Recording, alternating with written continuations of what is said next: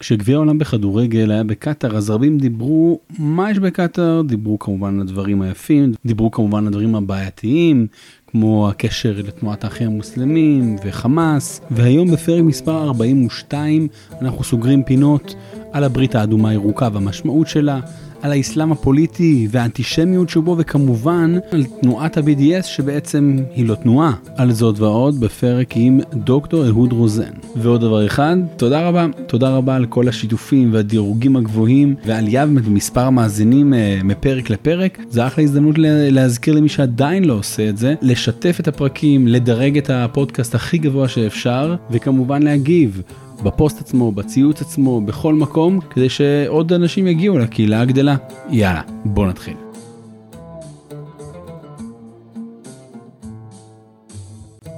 שלום לכולם, נמצא איתנו דוקטור אהוד רוזן. דוקטור רוזן עוסק שנים רבות בנושא אסלאם פוליטי, השפעתו על הרדיקליזציה במדינות המערב והחיבור לשמאל הרדיקלי, מה שמכונה הברית האדומה הירוקה, ואת מה שנהוג לכנות תנועת ה-BDS.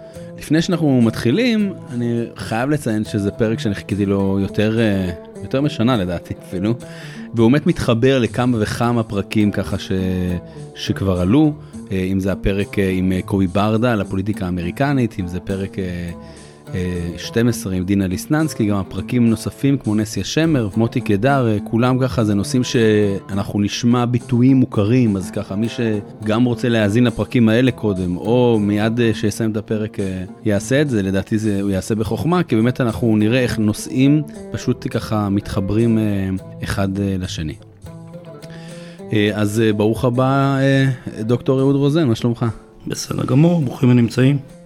תודה רבה, אתה, אתה מארח אותי פה, אני רק מציין. כן, בשמחה רבה. אמ, אז הסיפור הזה שנקרא אחים מוסלמים בינלאומי הוא נושא שלדעתי לא מקבל מספיק אה, תעודה בציבוריות או בתקשורת ודברים כאלה. אז אני אעשה ככה ממש ככה מיני הקדמה כדי שאתה ככה תקדם אותנו אבל מה שאנחנו כבר מכירים גם בפרקים קודמים שיש לנו תנועה אה, שקמה אה, ב-1928 באיסמעיליה במצרים, היא הוקמה על ידי חסן אל-בנה, היא נרדפה על ידי אה, גם המשטר באותו זמן המלוכה ובהמשך גם המשטר החדש של הקצינים, בדגש על גמל עבד אל-נאסר. אה, רבים נעצרים, נשלחים למוות, בורחים. אה, באמת ראוי שיהיה באמת פרק מבוא על התנועה ואיך היא קמה והכל. אבל אני רוצה בעצם להבין איך התנועה הזאת, שמקורה במצרים, הופכת להיות תנועה גלובלית. מה הופך את התנועה הצנועה הזאת למה שאנחנו מכירים היום, או לפחות חושבים שאנחנו מכירים. אז איפה הם התמקמו, איפה הם משפיעים, מי הם? בסדר, אז אנחנו מדברים על תנועת האחים המוסלמים, שכמו שאמרת, נועם, התחילה את דרכה במצרים. אה, היא מתחילה את דרכה במצרים של שנות ה-30. בואו נחשוב מה שיש לנו שם ברקע. אוקיי. Okay. יש לנו בעצם את אה, נפילת האימפריה העות'מאנית בסוף מלחמת העולם הראשונה, ביטול החליפות, שזה בעצם הביטוי ה... חשוב ביותר לצד, ה... לצד האסלאם. יש לנו משברים כלכליים מאוד מאוד חריפים, ושעל הרקע שלהם יש הרבה מאוד אידיאולוגיות רדיקליות שהן אה, מתפתחות במערב, אבל מטפטפות גם למזרח התיכון, בסדר? הפשיזם, נאציזם, קומוניזם, כל אלה מתחילים להתפתח שם. אה, חסן אל-בנה בעצם בא ומסתכל על מצרים של אותה תקופה, והוא מזהה שיש שם דור חדש, צעיר ומשכיל, שעזב את הכפרים, כן, יש תהליך אה, איור, אורבניזציה מאוד מאוד מואץ במצרים, ורצה להתחיל לבנות אה, חיים חדשים, אבל בעצם הדור הזה לא מצליח, הוא נשאר ברובו בשוליים, לא מוצא את מקומו, וחסן אל-בנה מתחיל לפנות לדור הזה, אה, רודף אחריהם לבתי הקפה שהם יושבים מחוסר מעש, mm-hmm. אומר להם בואו, בואו נחזור לאסלאם, בואו נחזיר את האסלאם למרכז הבמה, האסלאם הוא צריך להיות הפתרון לדברים האלה.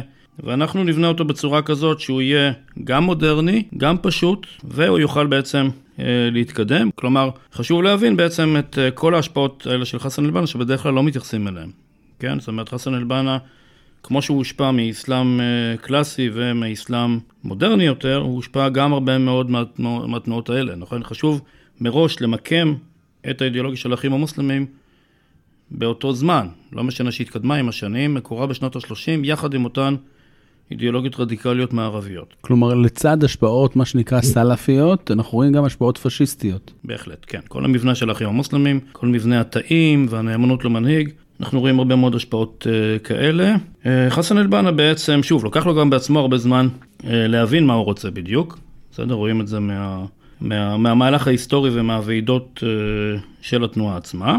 אבל בעצם הוא בונה סוג של חזון שבנוי מלמטה למעלה. מה זה אומר? אנחנו מתחילים בפעילות uh, חברתית קודם כל, שבה אנחנו uh, מגייסים לעצמנו פעילים, כל אחד משפיע על הסביבה הקרובה שלו, לאט לאט הולכים וצוברים כוח, הכוח הזה יתורגם בעתיד להשתתפות uh, פוליטית, או במשחק הפוליטי. שוב, תזכור שגם המזרח התיכון uh, בשנות ה-20-30, המשחק הפוליטי שבו הוא גם לא בדיוק uh, יציב. Mm-hmm.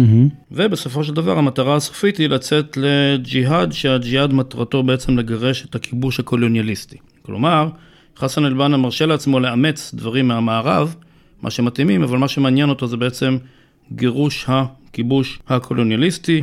יש לנו את בריטניה באותם שנים במצרים, ששולטת בהרבה מאוד uh, משאבים של מצרים, בעיקר כמובן בתעלת סואט. זה החזון המקורי. עכשיו, שוב, אנחנו נדלג קדימה לשלב שבו האחים המוסלמים עוזרים לתנועת הקצינים החופשיים לעלות במצרים. שזה ב-1952. 52, ואחר כך כמובן עוד יותר עוזרים גם לנאסר לעלות בתוך התנועה הזאת. רק אני אגיד שנאסר לא, הוא לא המנהיג מההתחלה, כלומר ההפיכה היא ב-23 ביולי 52, אבל נאסר באמת אה, נהיה המנהיג בסופית לדעתי באיזה 54, אז זה לוקח זמן. נכון, ושוב, הם עוזרים לו בתהליך, אבל שנה אחר כך הוא מתהפך עליהם, והוא אומר בעצם האחים המוסלמים, מה שהם עושים, הם, זה הם רוצים לפגוע בי. אויש. הם רוצים אה, להשתלט עליי, והוא מתחיל נגדם בתהליך, אה, במה שנקרא הרדיפה, מחנה, כן, מושג, מושג מוסלמי מאוד מאוד טעון. כן. במסגרת המכנה הזאת, הוא שם הרבה מאוד מהם בכלא, חלקם אפילו מוצאים אה, להורג יותר מאוחר, ויש לנו גם כאלה שמצליחים לברוח ממצרים. מתוכם יש לנו קבוצה אחת שמגיעה לסעודיה, וסעודיה, שוב, תחשוב שאנחנו נמצאים באמת בשנות ה-50-60 בשיא תהליך החילון והלאומיות. סעודיה היא המדינה שלוקחת על עצמה את תהליך שימור האסלאם. אוקיי. Okay. כן, זאת אומרת, היא מעוניינת לקדם את שימור האסלאם והפצתו בחזרה למזרח התיכון. ולכן היא לוקחת אה, אנשי אחים מוסלמים שמגיעים אליה, אה, מגייסת אותם לאוניברסיטאות אסלאמיות שמוקמות שם ולכל מיני גופים בינלאומיים, שהיום אנחנו מכירים באמת את הפעילות הבינלאומית שלהם, שהמטרה שלהם אה, להפיץ את האסלאם. בהתחלה, ב, בהתחלה במזרח התיכון וככל שיעבור הזמן גם במדינות המערב. יש לנו קבוצה נוספת שתהפוך לעוד יותר חשובה החל מסוף שנות ה-80, קבוצה שבורחת לקטר, אותה נסיכות קטנה במפרץ. הקבוצה הזאת הולכת ומשתלבת מהר מאוד, ולמעשה משתלטת על משרד החינוך הקטרי. בעצם סוג של מאסלמת את מערכת החינוך שם, והדמות הבולטת בקבוצה הזאת היא יוסף אל-קרדאווי שמת בשנה שעברה, ולמעשה מרגע קבלת העצמאות של קטר משמש, ועד מותו משמש כסמכות הרוחנית של משפחת המלוכה הקטרית. כלומר, חשוב מאוד מאוד להבין את המקום הזה של קטר. למעשה, אם אנחנו מסתכלים היסטורית, קטר היא המדינה היחידה שבה הסניף המקומי של האחים המוסלמים מתפרק מרצון. אין כן. צורך, כי הוא למעשה שולט שם במערכת. כן, הוא, הוא המערכת. כן. אוקיי? ויש לנו גם, כמובן, אה, הרבה מאוד חבר'ה שמגיעים למדינות המערב כסטודנטים או כמבקשי מקלט. אה, החבר'ה האלה יש להם הרבה מאוד מוטיבציה לשחזר את מה שהם הכירו מהבית, למרות שהם מגיעים למדינות שהן בכלל לא מדיניות מוסלמיות, והם בעצם, כל אחד מתחיל לפעול ברמה המקומית שלו כדי לשחזר את מה שהוא מכיר. כלומר, אם זה סטודנטים, אז הם מתחילים לפנות לאוניברסיטאות בבקשות אה, אה, לייצר להם מקומות תפילה, הם מתחילים להקים, די בקטן באמת, אגודות צדקה למיניהן. עם השנים יש לנו אינטראקציות בין הקבוצות החשובות האלה בסעודיה ו- ובקטר, שבעצם מתחילים לסייע גם לאותם חבר'ה במדינות המערב להתחיל להתגבש. אה, הנושא הזה במערב כמובן יהיה הכי חשוב החל משנות ה-90. יש לנו מצד אחד את uh, תיאוריית uh, פיקל הקליאט. הלכות המיעוטים, נכון? כן. שזה בעצם, גם דיברנו על זה קצת בפרק עם נסיה שמע ככה, אבל תמשיך, כן, כן. כן, וזה בעצם uh, מגיע מבית היוצר של... של שני הוגי דעות חשובים באחים המוסלמים, יש לנו את אה, תא ג'אבר אל-אלואני מארצות הברית, וכמובן את אה, יוסוף אל-קרדאווי. בעצם, בפעם הראשונה מדובר על קבלה אסלאמית, את העובדה שיש מוסלמים שלא חיים במדינות מוסלמיות. כן. כן, אם עד אז בעצם התפיסה של כל המוסלמים, או לא של כל המוסלמים, התפיסה הייתה שכל מוסלמי שהגיע למדינה מערבית, זה משהו זמני, הוא אמור לחזור, הוא אמור לשאוף לחיות במדינה אסלאמית, זה בפעם הראשונה יש לנו בעצם תיאוריה דתית שלמה שפונה אל מוסלמים כאל תושבי מדינות המערב. יש לנו גם באותה תקופה הגעה של פעילים של חמאס שמתחילים לברוח, כן, הרי חמאס הוקם ב-1987. Mm-hmm. אז יש לנו פעילים מרכזיים בחמאס שבעצם אה, בורחים ומגיעים, מוצאים את מקומם באירופה ובארצות הברית. ומשם בעצם כל העסק הזה מתחיל לעלות. שוב, גם כשאנחנו מדברים על זה שהוא מתחיל לעלות, אנחנו מדברים בעיקר, צריך להבין, מספרית מדובר על, אה, על, על ממדים מאוד מאוד צנועים. זה לא, זה לא הכמות, אלא האיכות. מדובר על אנשים ברמה מאוד מאוד גבוהה, חייב לתת להם את הקרדיט אחרי הרבה מאוד שנים שאני עוסק בהם. אה, חדורי מוטיבציה, בעלי כושר ארגון ויכולת ארגון מאוד מאוד מרשימים, והם פשוט מאותו זמן מתחילים ליצור הרבה יותר בגדול רשתות שלמות שכוללות בעצם אה, אה, מסגדים, אגודות צדקה, בתי ספר, תנועות נוער. שזה בעצם אותה שיטה שאנחנו מכירים גם כמובן ממצרים, או בכל מקום שהם נכון, היו. בכל כן, מקום לא... ש... כן, כן, בכל מקום שאנחנו נלך, בין במזרח התיכון, בין במדינות המערב, מדובר על אותה צורה. כן, אותה צורה קלאסית מאז, של חסן אל-בנה, של התפשטות באמצעות החברה. עכשיו, כל דבר הזה אנחנו מדברים על, אני, אני אומר, אני, מי ששמע את הפרק עם דינה ליסננסקי, אנחנו יודעים כמובן שזה קיים באירופה, אתה נותן פה את הדגש דווקא על ארה"ב, או שבעצם אנחנו רואים אותו דבר פחות או יותר בשני המקומות? ההתפתחות היא אותה התפתחות. כלומר, מהמם. ההתפתחות, שוב, החבר'ה האלה מתחילים להגיע בשנות ה-60, ובעצם הולכים ובונים את מקומם גם כלפי השלטונות עם השנים כנציגי האסלאם. כן, הם הופכים להיות בעצם הקול של הקהילה המוסלמית באירופה. כלומר, למרות שאתה מציין שהם יחסית מיעוט, אבל הם מיעוט מאוד אה, אה, מאוד דומיננטי. כונני ומאוד מעורב.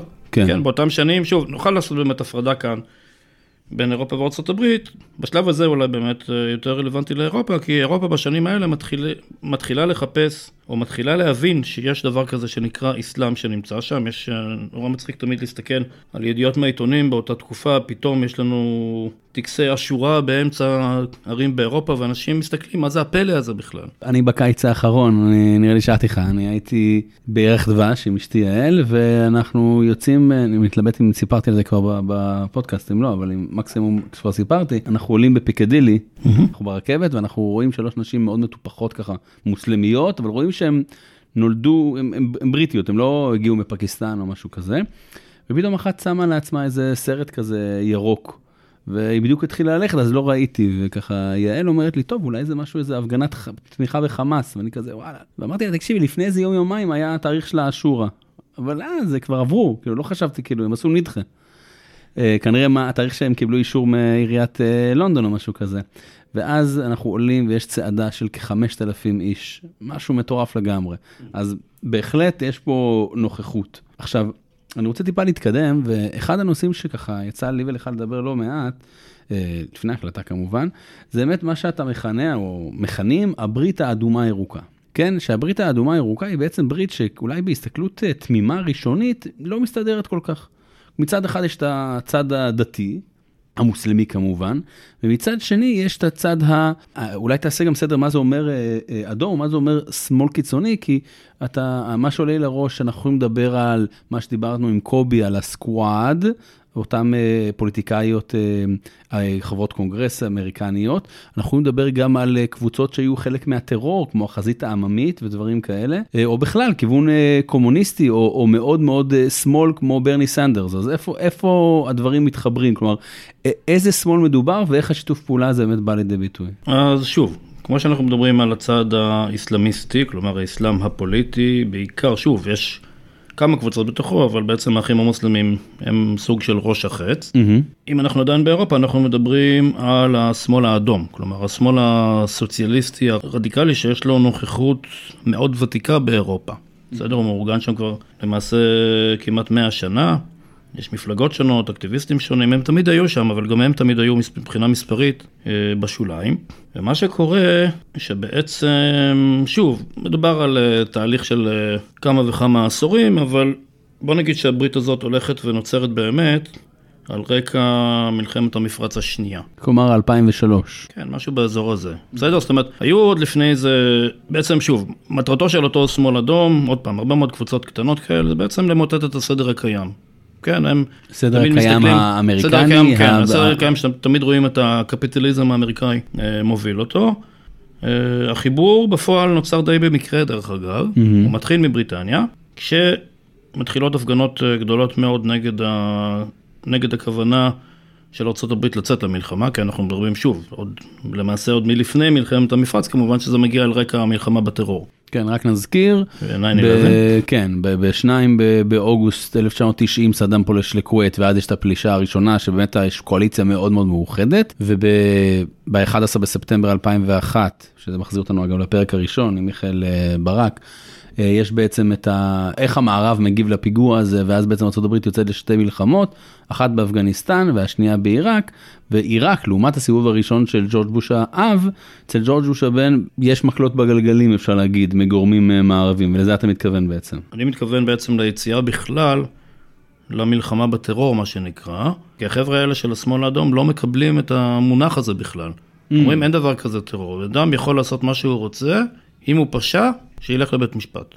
אין דבר כזה טרור. מה הבעיה במונח טרור בעצם? החבר'ה האלה של השמאל האדום מחברים את המלחמה בטרור לרצון פוסט-קולוניאליסטי. אומר בעצם אין דבר כזה באמת טרור, מה הברית עשתה זה לקחת את הפיגוע הגדול הזה ב-11 בספטמבר ולמנף אותו כדי להשתלט מחדש על המזרח התיכון, כדי להביא מחדש את הקולוניאליזם למזרח התיכון, אחרי שהוא כבר חלקו לפחות יצא ממנו, ובעצם להמשיך לדכא את האסלאם במזרח התיכון, גם מבחינה רעיונית וגם מבחינת השטח וניצול המשאבים. בסדר? החיבור בפועל נעשה בצורה די מקרית, הוא מתחיל דווקא בבריטניה, בהפגנה משותפת, זאת אומרת, הפגנה משותפת שנוצרה מזה שלמעשה שתי קבוצות רוצות להפגין באותו יום, כן? יש לנו הפגנות גדולות שמתחילות נגד, ה...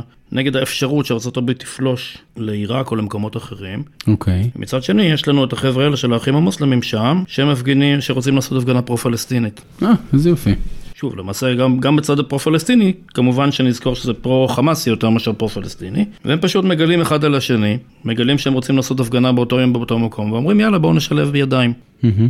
אבל הם מדגישים, מדובר בברית טקטית עד היום, מדובר בברית טקטית, לא אסטרטגית, ומדובר למעשה בשתי קבוצות שלא מקבלות אחת את השנייה. כלומר, מבחינת האחים המוסלמים, הקומוניזם הוא חטא, כן? למרות, ש...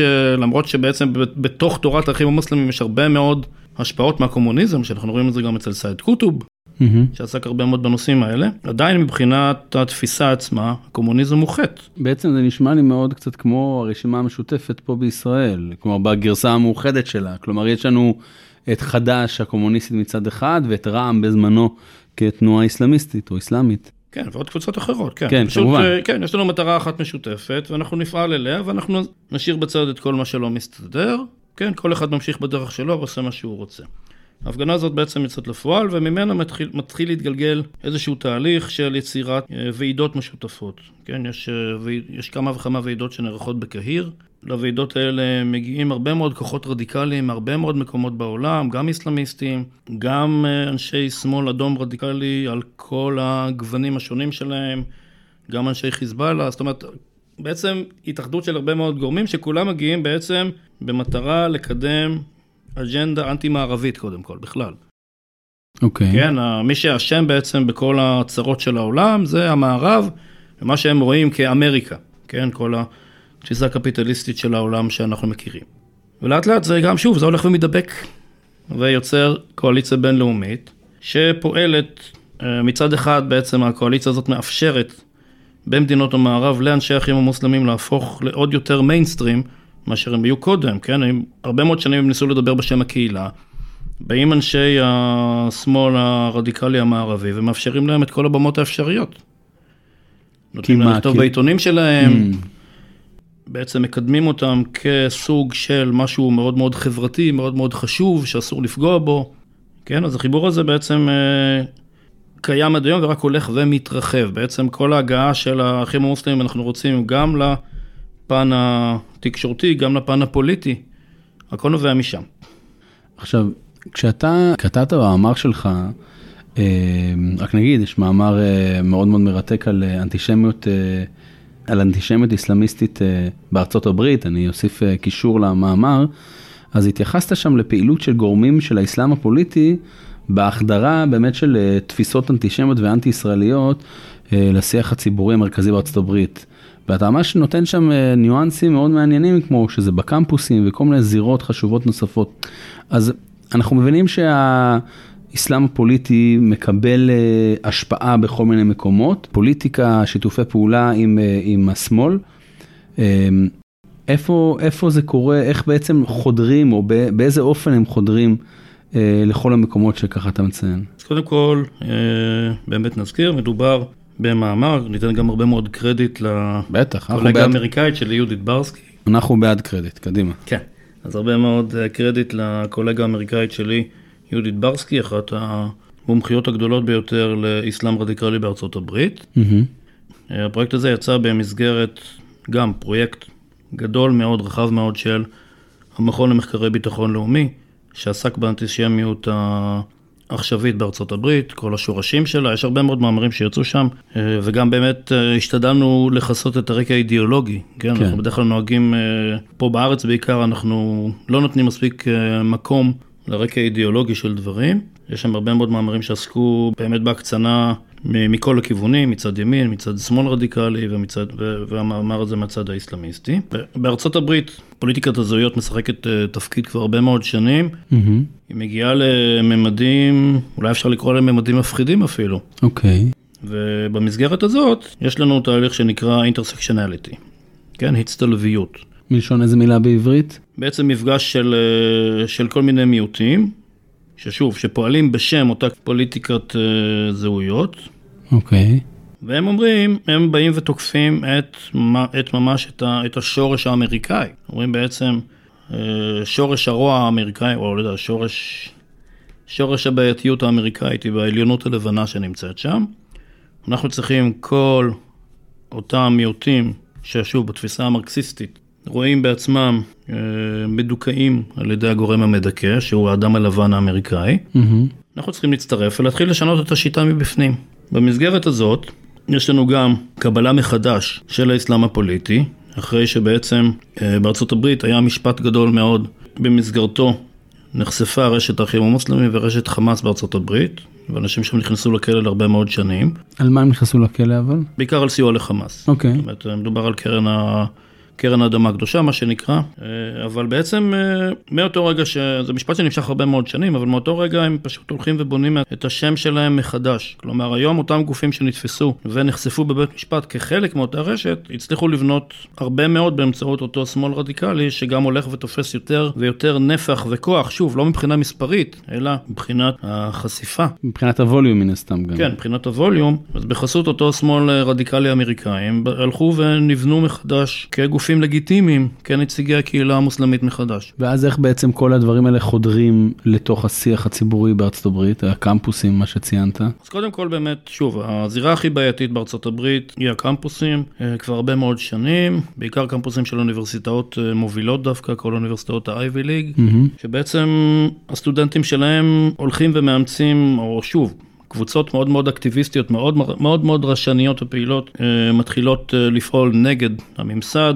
נגד מה שנתפס, שוב, כשלטון האדם הלבן, או כעליונות של האדם הלבן. יש לנו בקמפוסים, אפשר להגיד את זה בנקודה. בטח. יש לנו בקמפוסים השפעה גוברת והולכת גם של מימון מבחוץ.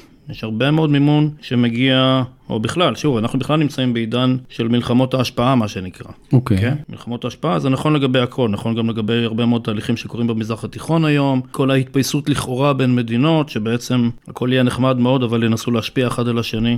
אני, אני רק אגיד, אנחנו מקליטים בי' בסיוון תשפ"ג, שזה ה-31 במאי 2023, ובעצם בתקופה האחרונה, אנחנו ככה לקראת uh, החזרה לעונה השלישית של הפודקאסט, אז, אז אנחנו בעצם בתקופה, אנחנו מקליטים באמת כשאנחנו באמת, יש, יש פה דיבורים מאוד, uh, הסכמים מחודשים, או דיבורים על התקרבויות, סוריה ומדינות ערב כמובן, סעודיה ואיראן, ממש בימים האחרונים יש דיבורים בין התקרבות מחודשת בין מצרים לאיראן והכל, אז אני אומר, זה, זה ההקשר כמובן. כן, זה ההקשר הרחב. כן? כן? מי שהיה ידיד יישאר כנראה ידיד, מי שלא היה ידיד לא יישאר ידיד, למרות שבעצם כולם יחייכו אחד לשני, אבל בעצם ינסו לפעול מאחורי הקלעים. כן. בארצות הברית יש לנו הרבה מאוד שנים תופעה של מימון מאוד מאוד רחב שנכנס לאוניברסיטאות, לקמפוסים המובילים ביותר. אה, קטאר היא אחת המובילות בנושא הזה, וההשפעה של קטאר היא לא רק, היא לא רק נותנת כסף ועוזבת אותך לעשות מה, שאת, מה שאתה רוצה ומה שאתה צריך, אלא היא חודרת גם ממש לתוך נושאים של גיוס אנשי סגל, לתוך, גיוס, לתוך נושאים של מה, מה, מה ומי מלמדים. מה בעצם אבל האמיר הקטרי משיג פה בעצם? אנשים שלא בייל, אנשים שלא בברקלי, אני לא יודע מי, איזה אוניברסיטאות דווקא, אבל כרעיון. הקטרים משיגים פה קודם כל כוח, כן? יש להם היום כוח מאוד מאוד רחב למול הממשל האמריקאי, ולא רק, כן? הקטרים משקיעים בהרבה מאוד מדינות מערביות, וככה הם ממנפים את עצמם, קודם כל בצורה הכי אגואיסטית, כן? מדובר על, בסופו של דבר, על מדינה מאוד מאוד קטנה וזהירה שרוצה פשוט להכתיב פה את מה שקורה. הם משיגים תמיכה, משיגים פרויקטים, משיגים השקעות, והם משיגים גם את זה שהם דוחפים את האידיאולוגיה האסלאמיסטית, שהיא למעשה, שוב, היא למעשה זאת שמובילה אותם. בדרך כלל, אה, שוב, אני לא מומחה למדינות המפרץ, אבל יש לנו את אה, שייח' מוזה, שהיא אשתו של האמיר הקודם, ואימא כן. של האמיר הנוכחי, שבעצם דאגה לזה שהוא יהיה האמיר הנוכחי, היא כנראה הדמות האסלאמיסטית הבכירה ביותר, אה, והיא גם עם השנים הלכה ובנתה לעצמה איזושהי תדמית כזאת נורא מחייכת למדינות המערב, אוהבים לכסות את הצד המאוד אופנתי שלה וכל זה, אבל היא בעצמה כנראה אסלאמיסטית מאוד מאוד אדוגה. עכשיו לפני שנמשיך אני עוצר אותך רגע לאיזה מונח שחוזר כל הזמן, ואני ככה, אם נצטט את אה, הנסיכה הקסומה, בואו נוודא שאנחנו מדבר, יודעים על מה אנחנו מדברים. אה, כשאנחנו אומרים איסלאמיסט, למה אנחנו מתכוונים? פה אנחנו נכנסים באמת לשאלה ולחילוקי דעות אה, אקדמיים. אז בואו נגיד שלצורך העניין, במשך הרבה מאוד שנים, אנשי האסלאם הפוליטי, בעיקר אנשי האחים המוסלמים, כינו את עצמם איסלאמיון. Mm-hmm. כן, יש לנו גם ספר שכדאי להזכיר אותו, ספר מאוד מאוד ותיק. כן. של אוריה פורמן בנושא הזה, ולכן לצורך העניין בוא נגיד שאנחנו משתמשים במונח איסלאמיסט כתרגום של איסלאמיון. שוב, יש הרבה מאוד חילוקי דעות אקדמיים ולא ניכנס אליהם.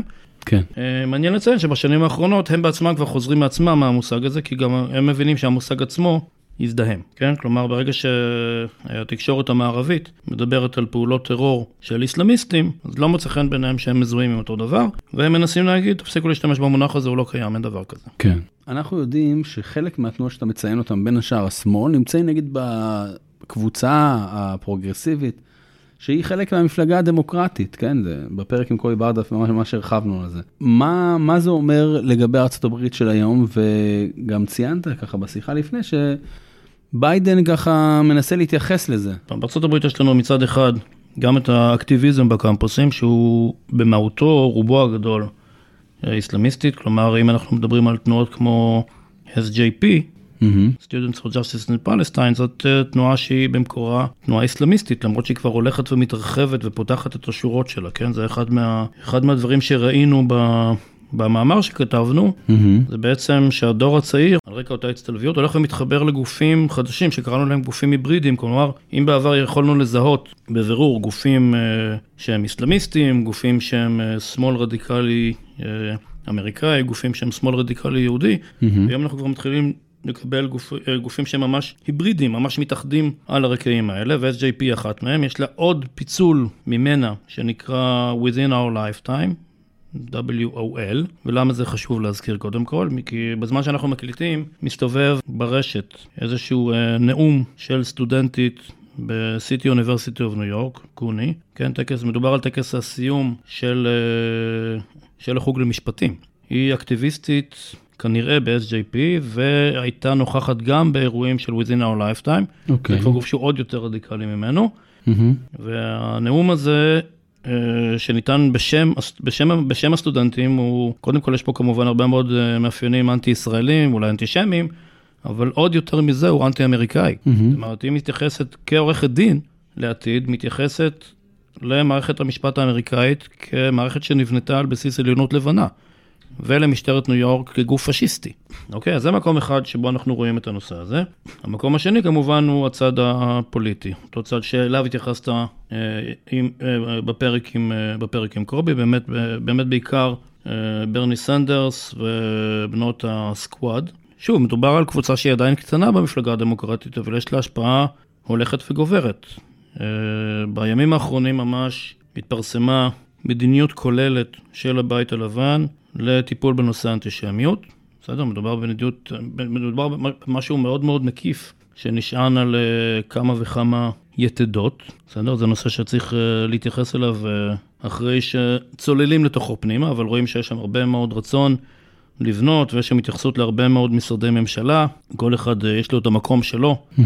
אבל מעניין לציין שם שקודם כל, כנראה גם בגלל המעורבות של אנשי שמאל רדיקלי, בעיקר כנראה מהצד היהודי דווקא, אוקיי. Okay. יש שם עניין של הגדרות הבסיס. כלומר, אם במשך, אה, אם בכל השנים האחרונות אה, ישראל ורובו של המיינסטרים של העולם היהודי מנסה לקדם הגדרת עבודה למהי אנטישמיות. בדרך כלל מה שמנסים לקדם זה אותה הגדרה של מה שנקרא איירה, כן? שזאת הברית הבינלאומית לזיכרון השואה. אוקיי. Okay. היא נותנת הרבה מאוד נקודות שמבחינתה מסבירות מה זה אנטישמיות, והיא מקשרת גם בין אנטישמיות uh, קלאסית, מה שנקרא, לבין אנטישמיות החדשה, כלומר, יש הרבה מאוד התייחסויות גם לדעות uh, נגד ישראל, או נגד ישראל, ו- ושוב, מהצד של אלה שמותחים עליה ביקורת, נאמר שיש שם יותר מדי התייחסות לישראל, בעיקר שזה כאילו חוסם אפשרות להתנגדות למדיניות ישראל. מה שקורה פה במסגרת אותה מדיניות של, של ביידן, הייתה מעורבות גדולה של אנשי אקדמיה מהצד השמאל הליברלי והפרוגרסיבי, והם אמרו, אנחנו לא רוצים שתקבלו את הגדרת איירה כמו שהיא. בסופו של דבר, מסמך המדיניות מתייחס להגדרה של מהי אנטישמיות, כך שאיירה מוזכרת בו, אבל לצידה גם מה שנקרא מסמך נקסוס. מסמך נקסוס אומר בעיקר מה לא ייחשב בהכרח לאנטישמיות, בתוך זה הרבה מאוד נקודות שקשורות לישראל, ומכאן כמובן שהשאלה תהיה שוב, תלוי בפוזיציה, האם מדובר בביקורת על מדיניות ישראל או על ישראל בכלל. אבל זה בעצם כל הדיבור שמכניסים בעצם את האנטישמיות שהיא לא דבר שהוא יחידני, אלא חלק מעניין הגזענות? נכון. כלומר, זה בדיוק מה שמנסה, או מנסים גם הצד האסלאמיסטי לעשות וגם צד השמאל הרדיקלי.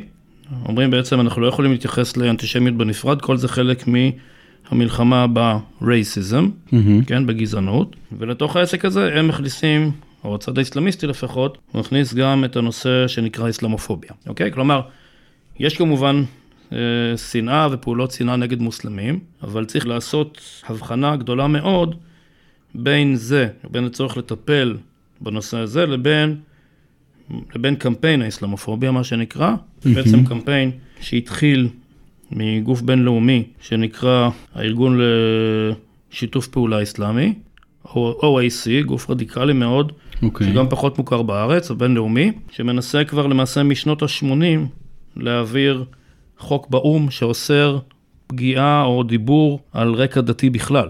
כלומר, אנחנו לא נוכל לשבת פה ולדבר על אסלאם רדיקלי, כי אנחנו נהיה אוטומטית אסלאמופובים. אוי, זה לא טוב. לא נוכל להזכיר כמובן שום, שום נושא של טרור לצד אסלאם, כי זה לא, זה לא חלק מזה בכלל. בסדר? עכשיו, הקמפיין הזה שהתחיל אי שם בשנות ה-80, מקודם, הרבה מאוד מהתמות שלו מקודמות על ידי גורמים אסלאמיסטים, שבעצם אומרים, או שבעצם כוללים כל ביקורת נגד האסלאם הפוליטי כאסלאמופוביה. כלומר, שוב, תאר לעצמך, לא נוכל עוד כמה שנים אם הדברים האלה יעברו.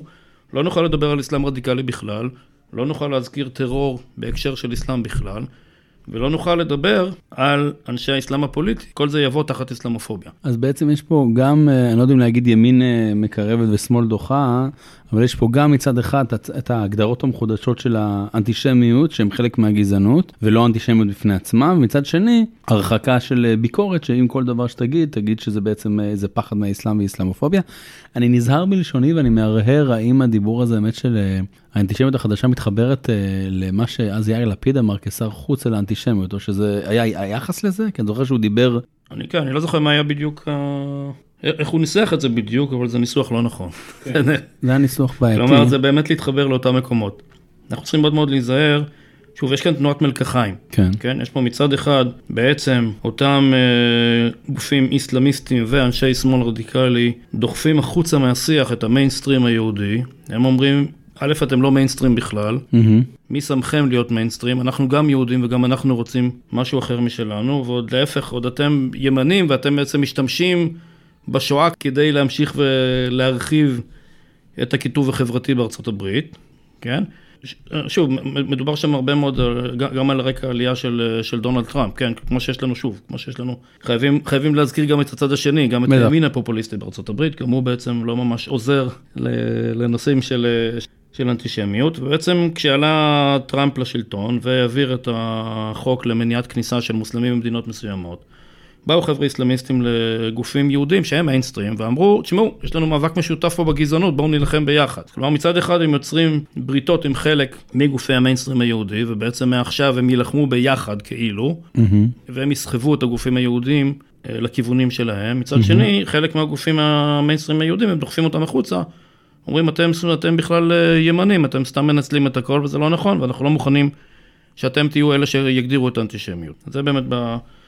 בצד היהודי, ולכן חשוב מאוד להימנע מלהיכנס לשיח הזה. זאת אומרת, להבין מאיפה הוא מגיע, ולא להתחבר אליו. עכשיו, בזמנו, והזכרתי את זה כזה בחצי רמיזה בהתחלה, בכל מיני התכתבויות שלנו ושיחות שיש לנו ככה אה, בהקשרים אחרים, ואפשר להגיד ככה, אתה, שזה אחד הנושאים בעצם בתוך כל השיחה הזאת, הוא בעצם מה שאנחנו שומעים בחדשות, ולדעתי אפילו יש תפקידים ממשלתיים בנושא, שזה תנועת ה-BDS. ואתה אמרת לי משפט שאז, שהפתיע אותי מאוד, דיברת בעצם על זה שאין דבר כזה תנועת ה-BDS, ואני ככה מאוד הופתעתי, מה זאת אומרת? אנחנו שומעים על זה בחדשות בלי סוף.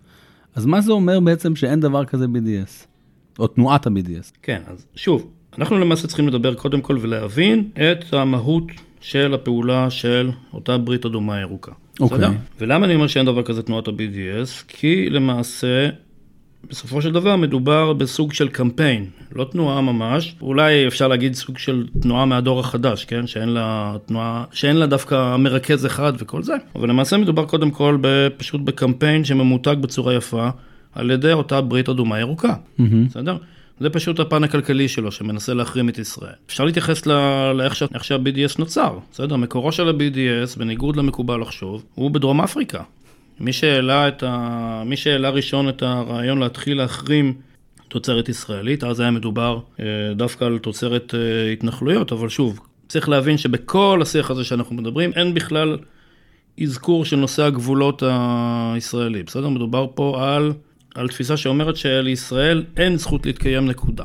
לא משנה באיזה גבולות. אוקיי. Okay. זה התחיל משם, וזה התגלגל במעגלים של שמאל רדיקלי אירופאי. תפיסה מאוד מאוד אה, דומה למה שאחר כך נקרא ה-BDS הוצגה בתחילת 2005 באיזשהו פורום אה, בינלאומי אנטי-קפיטליסטי, אנטי, בכלל אנטי-מערבי כזה שמתכנס, אה, היה מתכנס כל שנה אה, ורק אחר כך זה הולבש על הפלסטינים. עשינו פעם בדיקה של אותה הצהרה של גופי החברה האזרחית הפלסטינים, אותה הצהרה מוכרת, נדמה לי מאוגוסט או יולי, לא זוכר. אוקיי. Okay. מ-2005, כאילו קוראים לתנועות ה-BDS, ושם אתה מגלה בעצם כשאתה מסתכל על מי הם הגופים החתומים, אתה מגלה שבעצם אה, מדובר בסוג של פיקציה. מה זה בעצם גופי חברה אזרחית פלסטינית בגדול?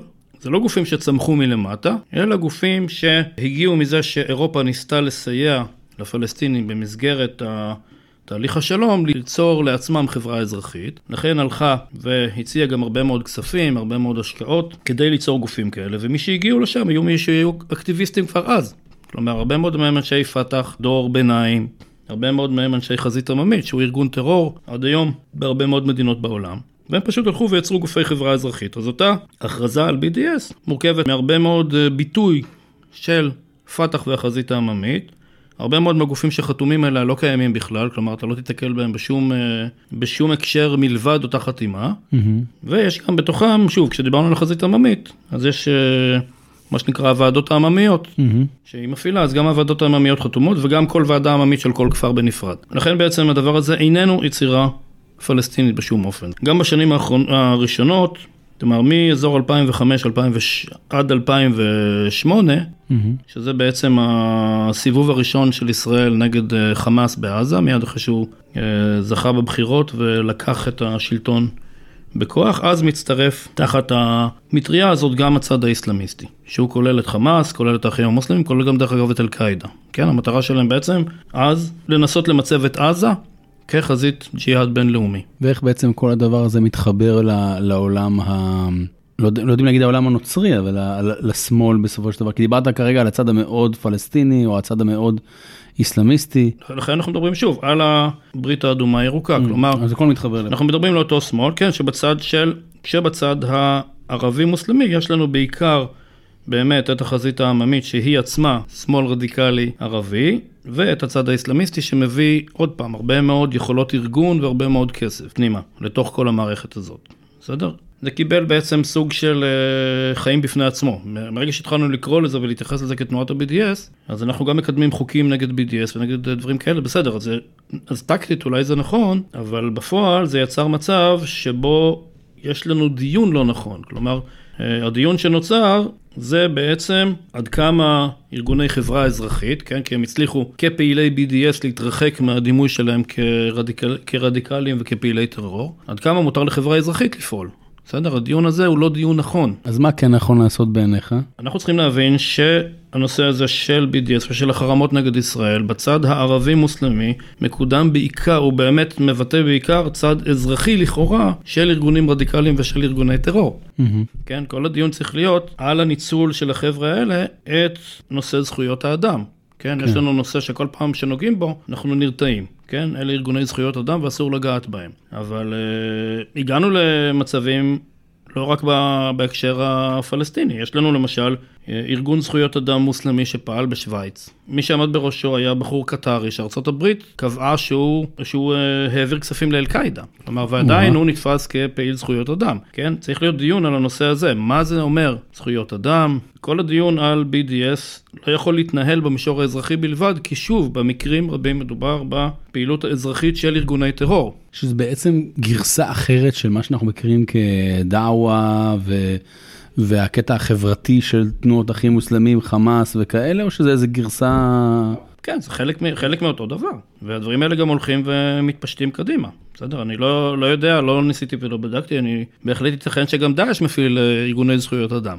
כן, אז מה, ברגע שזה, שוב, אז ראינו שכבר אל-קאעידה קיים, אה, יש לנו באמת חלק מתהליך הדעווה של האחים המוסלמים. החזית העממית, אנחנו מכירים הרי את ההסתבכות של, אה, של ישראל, שניסתה להוציא אה, גופים שנתמכים על ידי אירופה מחוץ לחוק, ובעצם האירופאים לא קיבלו את זה. כי בעצם, שוב, הדיון בנושא לא היה קיים, לא הסבירו לאירופאים מה זה בכלל החזית העממית, לא הסבירו את כל התהליך, ואיך יכול להיות גופים שהאירופאים תומכים בהם כבר אה, עשרות שנים, הם בעצם פן אזרחי של גוף שמוגדר על, על, על ידם כגוף של טרור. בסדר? זאת אומרת, כל, ה, כל השיח בנושא צריך להיות אה, שונה מאוד. אוקיי, עכשיו אנחנו מתקרבים לסיום, וככה יש לי כמה נקודות, חלקן אנחנו הבטחנו שנדבר, חלקם כזה עולים לי תוך כדי. אחד הנושאים שגם הוא מתישהו כנראה יצטרך לקבל פרק או משהו כזה, אה, ואני ככה מהרהר, האם באמת יש קשר או לא, כלומר דיברנו, אני רק אחדד מה עובר לי בראש, אה, דיברנו על, ה, על האסלאם בארצות הברית, דיברנו על בעצם על uh, האחים המוסלמים בארצות הברית וההשפעות והכל. ותוך כדי אני באמת מנסה לחשוב ואני נזכר בעצם בדמות uh, מאוד משמעותית, אחד uh,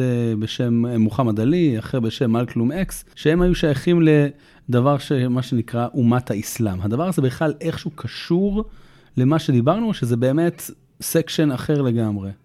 בהחלט כן, בהחלט יש קשר, מדובר, אה, שוב, מדובר על סוג של אה, ארגון אה, שמאל רדיקלי מאוד, שאחד האנשים שהתחברו אליו, בשלב מוקדם כנראה, היה סעיד רמדאן. סעיד רמדאן היה, היה נשוי לביתו של חזן אל-בנה, הוא אחד מהאנשים שאחראים לכך שבעצם האחים המוסלמים הפכו לסוג של אידיאולוגיה בינלאומית, והוא גם אבא של טארק רמדאן.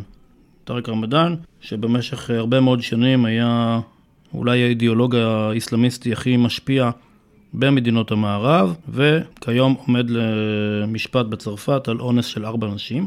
טארק רמדאן כתב מאמר לזכר אבא שלו, עשר, עשר שנים אחרי שהוא נפטר, והוא מזכיר שם את מלקולם איקס בתור אחד האנשים שהושפעו ממנו מאוד. כלומר, זה במסגרת החיבור שמגיע לנו לצד הרדיקלי מאוד של הפעילות השחורה האמריקאית.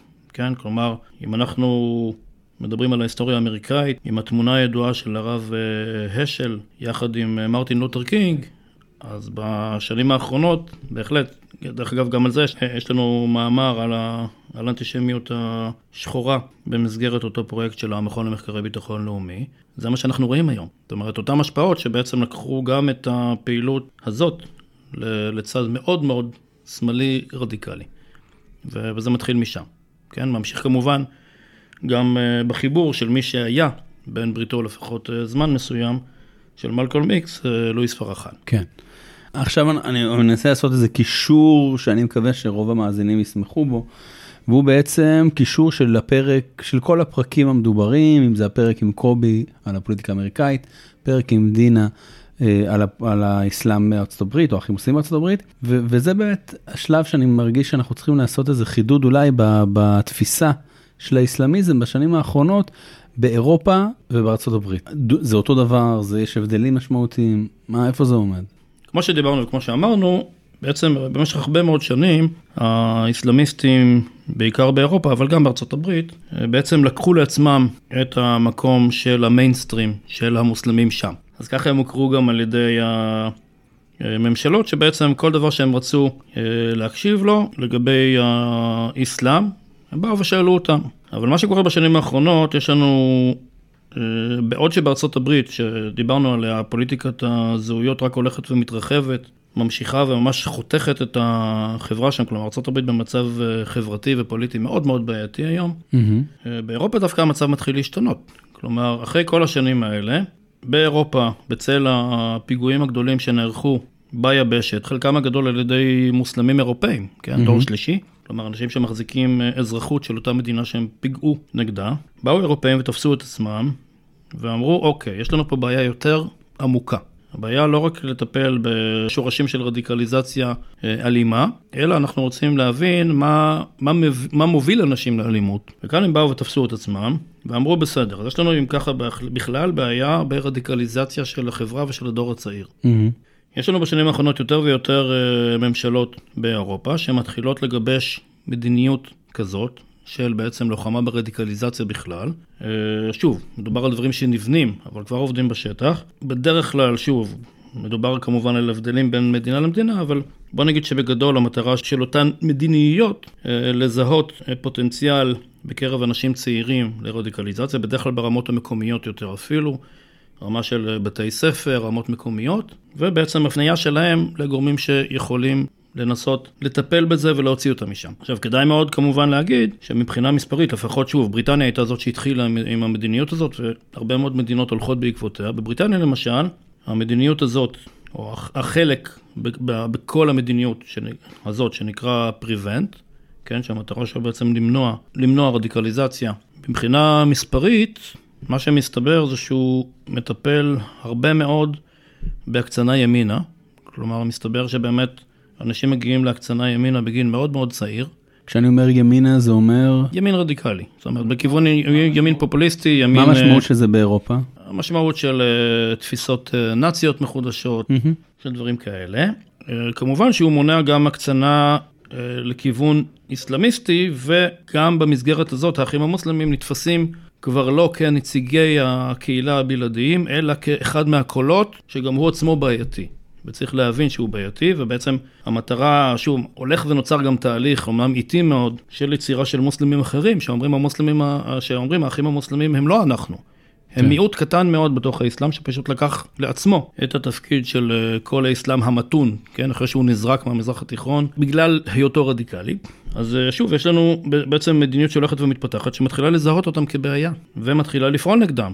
כן, יש אה, יש לנו למשל באוסטריה בשנת 2020 הייתה פשיטה גדולה מאוד על גופים של, שמזוהים עם האחים המוסלמים וחמאס במדינה, לא בגלל שזה מפריע למדינת ישראל, אלא כי הם מבינים שמדובר בבעיה לאוסטריה. כן.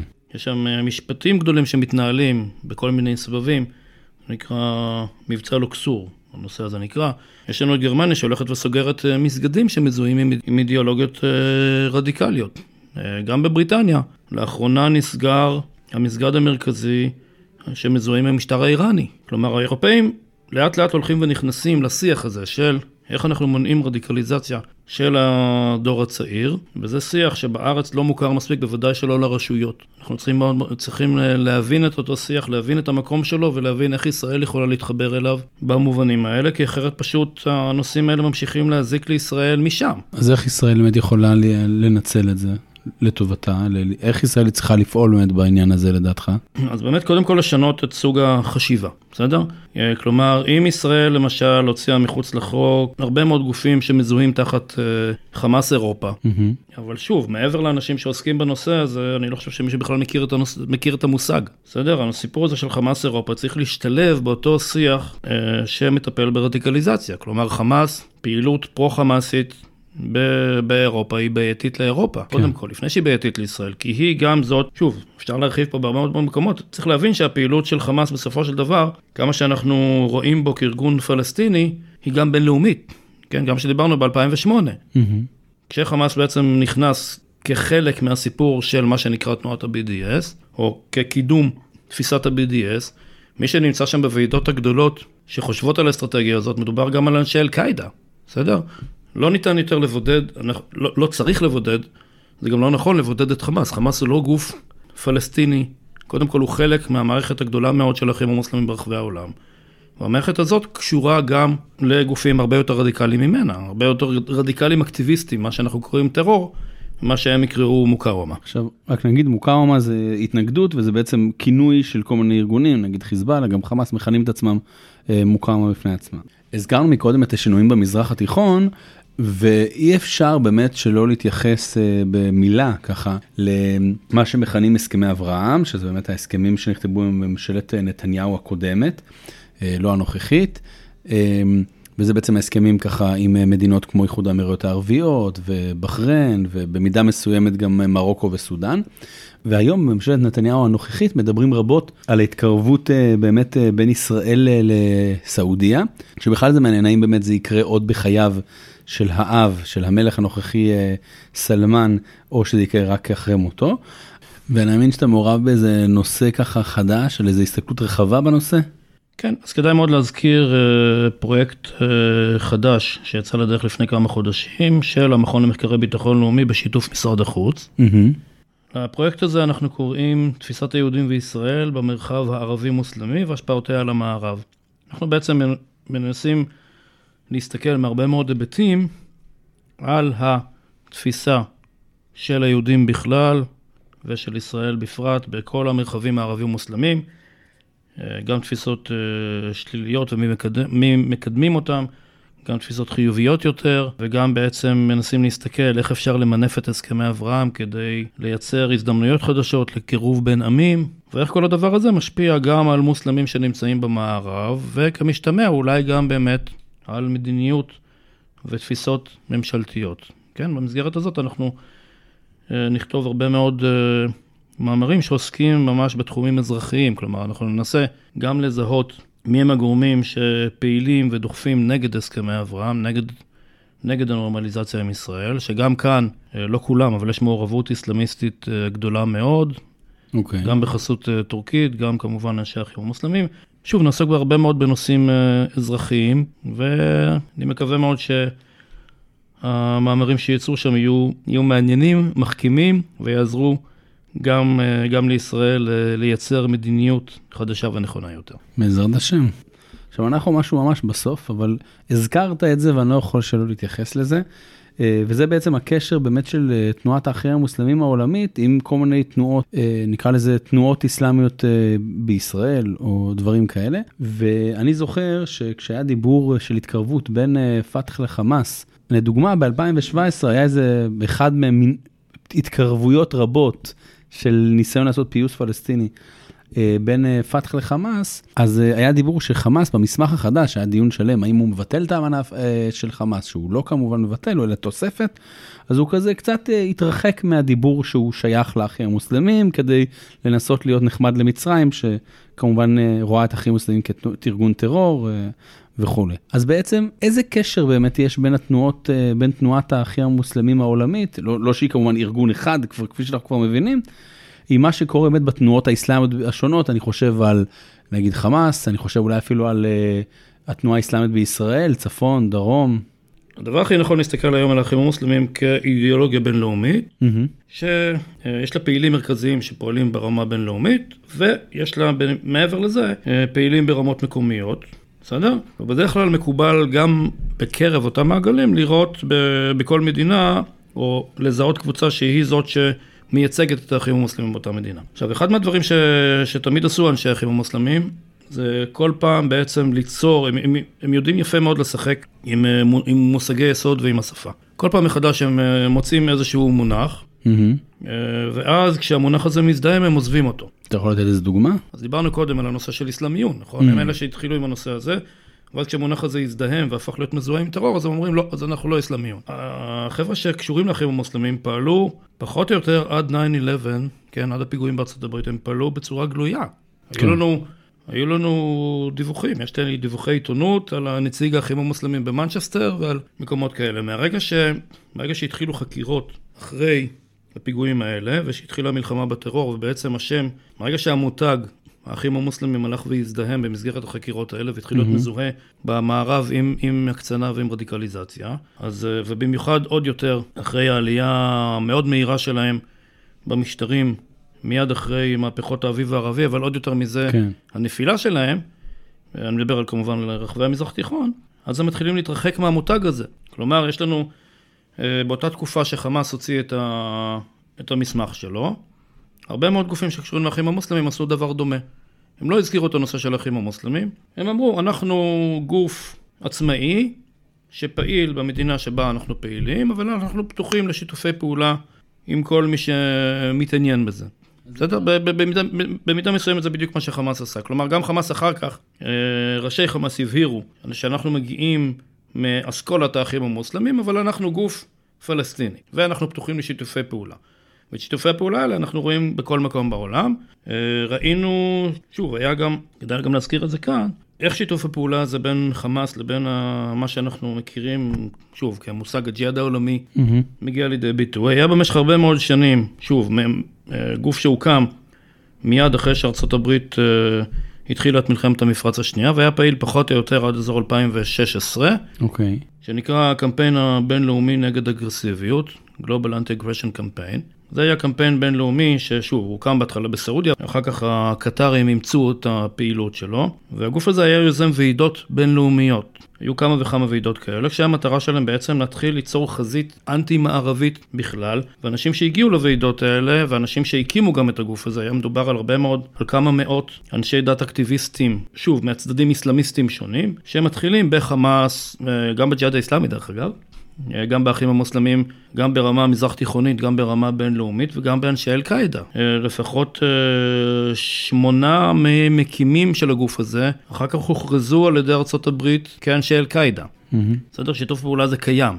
אנחנו יכולים תמיד לדבר על הריבים בין הצד האסלאמיסטי לצד הסלאפי וכל זה, אבל שוב, מדובר פה על אנשים שמסוגלים לשים בצד את חילוקי הדעות ביניהם, גם ברמה התיאולוגית, גם ברמה הפרקטית, ולהגיד, אנחנו צריכים עכשיו כרגע יש לנו מטרה משותפת ואנחנו יכולים לעבוד ביחד ואנחנו תומכים ביחד באותה מוקרומה, באותו דבר.